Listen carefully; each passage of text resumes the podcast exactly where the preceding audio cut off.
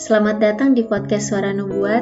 Pada kesempatan ini kita akan membaca dalam buku Iman dan Perbuatan yang ditulis oleh Ellen G. White yang berisi 19 bab. Pada kesempatan ini kita akan membaca dari bab pertama bagian pertama dengan judul Ellen G. White mengklarifikasi masalah. Rasul Paulus berkata, atau tidak tahukah kamu bahwa orang-orang yang tidak adil tidak akan mendapat bagian dalam kerajaan Allah? Dan beberapa orang di antara kamu demikianlah dahulu. Tetapi kamu telah memberi dirimu disucikan, kamu telah dikuduskan, kamu telah dibenarkan dalam nama Tuhan Yesus Kristus dan dalam roh Allah kita. 1 Korintus 6 ayat 9 sampai 11. Hilangnya ketaatan, kesalehan dan penyucian muncul dari penyangkalan terhadap Yesus Kristus kebenaran kita. Kita harus dengan teratur mengembangkan kasih Allah dalam hidup kita.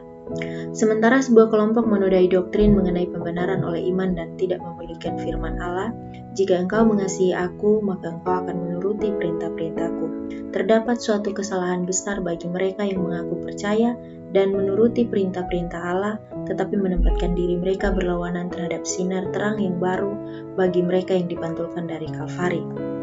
Kelompok pertama tidak melihat hal-hal menakjubkan dari hukum-hukum Allah karena semua orang melakukan perintah Allah, sedangkan yang lain bertengkar mengenai hal-hal yang sepele dan tidak memperdulikan kemurahan dan kasih Allah.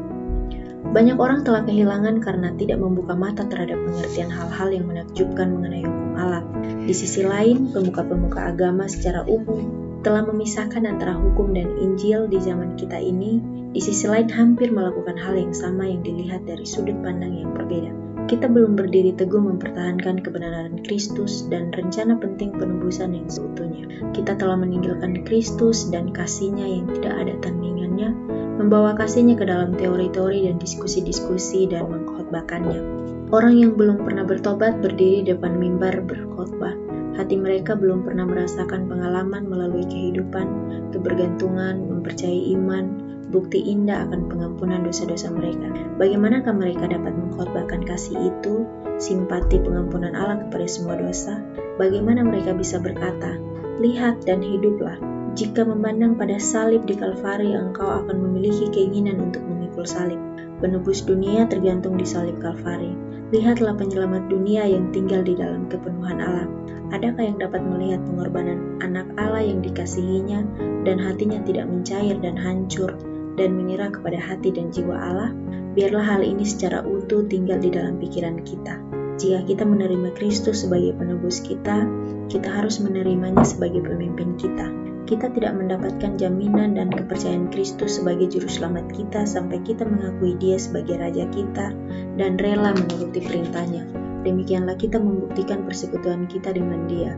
Setelah itu, barulah kita memiliki iman yang murni, karena itu adalah iman yang bekerja. Ia bekerja dengan kasih.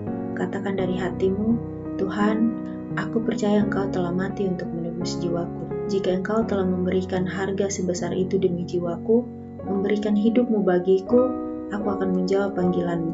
Aku memberikan hidupku dan seluruh kemungkinannya dalam semua kelemahanku kepada lindunganmu. Keinginan itu harus dibawa ke dalam suatu kesesuaian dengan kehendak Allah. Pada saat hal ini sudah terjadi, maka tidak ada terang yang menyinari hati dan ruang pikiran yang akan ditolak.